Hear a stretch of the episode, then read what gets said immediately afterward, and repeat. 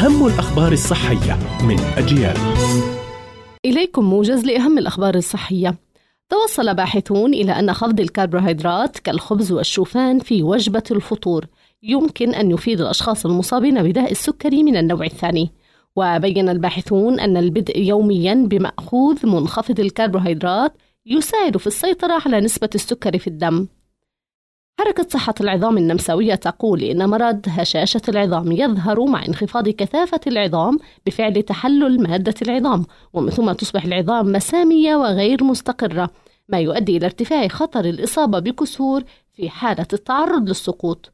وبينت الحركة أن أسباب الإصابة بهشاشة العظام تتمثل في التقدم في العمر نقص هرمون الأستروجين في مرحلة انقطاع الطمث أو ما يعرف بسن اليأس.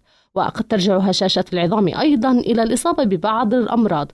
كفرط نشاط الغدة الدرقية داء السكري كما أنها قد تكون أثرا جانبيا لبعض الأدوية كدواء الكورتيزون. بالإضافة إلى ذلك يرفع أسلوب الحياة غير الصحي خطر الإصابة بهشاشة العظام والتي يتمثل في البدانة وقلة الحركة والتدخين. طبيبة أطفال ألمانية توضح أن عادة قدم الأظافر قد تؤدي إلى مشاكل صحية خطيرة كالتهابات في مرقد الظفر كما قد تلحق أضرارا بالأسنان الأمامية والمفصل الصدغ الفكي. بالإضافة إلى ذلك يمكن أن تصل البكتيريا والجراثيم العالقة باليد والمسببة للأمراض إلى داخل الجسم بسهولة مسبب الإصابة بأمراض عدة.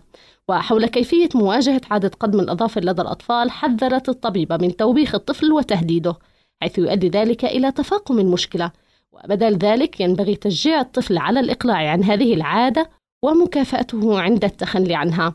كانت هذه أهم الأخبار الصحية. قرأتها روزانا طه. إلى اللقاء.